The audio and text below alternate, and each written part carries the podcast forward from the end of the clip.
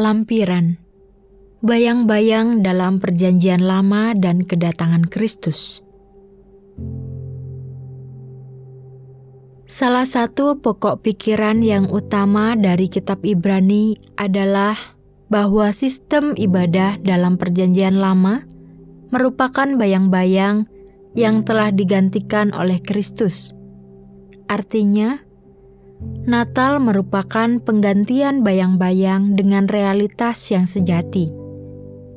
Anda dapat melihat ini pada Ibrani 8 ayat 5 yang menyatakan bahwa pelayanan imam adalah gambaran dan bayangan dari apa yang ada di sorga. Perhatikan enam bayang-bayang yang digantikan dengan realitas yang sejati melalui kedatangan Kristus. 1. Bayang-bayang imamat perjanjian lama. Dan dalam jumlah yang besar mereka telah menjadi imam karena mereka dicegah oleh maut untuk tetap menjabat imam, tetapi karena ia tetap selama-lamanya, imamatnya tidak dapat beralih kepada orang lain. Ibrani 7 ayat 23 sampai 24. 2. Bayang-bayang korban Paskah. Buanglah ragi yang lama itu, supaya kamu menjadi adonan yang baru sebab kamu memang tidak beragi. Sebab anak domba Paskah kita juga telah disembelih, yaitu Kristus.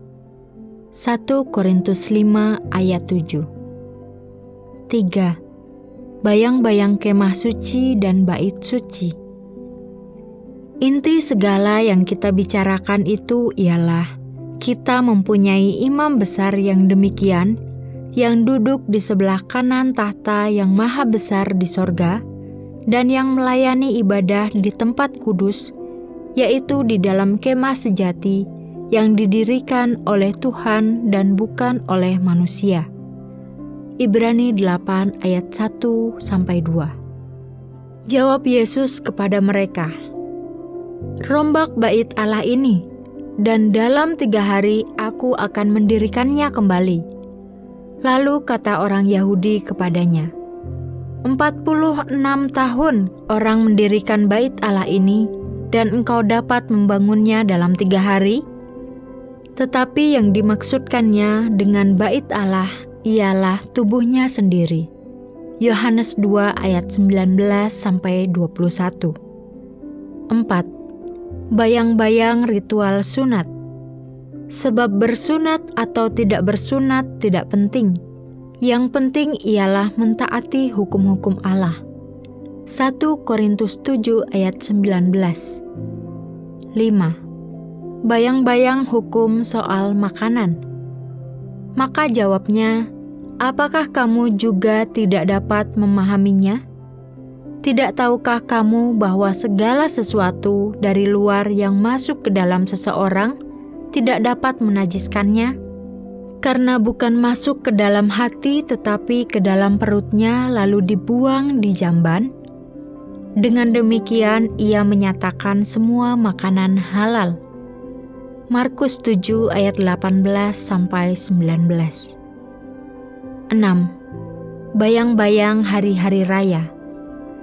Karena itu, janganlah kamu biarkan orang menghukum kamu mengenai makanan dan minuman, atau mengenai hari raya, bulan baru, ataupun hari Sabat. Semuanya ini hanyalah bayangan dari apa yang harus datang, sedang wujudnya ialah Kristus. Kolose 2 ayat 16 sampai 17. Arti Natal adalah bahwa wujudnya ialah Kristus. Ritual agamawi adalah bayang-bayang dari pribadi yang agung dan mulia itu. Marilah kita meninggalkan bayang-bayang dan memandang wajah Kristus. 2 Korintus 4 ayat 6 Anak-anakku, waspadalah terhadap segala berhala agamawi. 1 Yohanes 5 ayat 21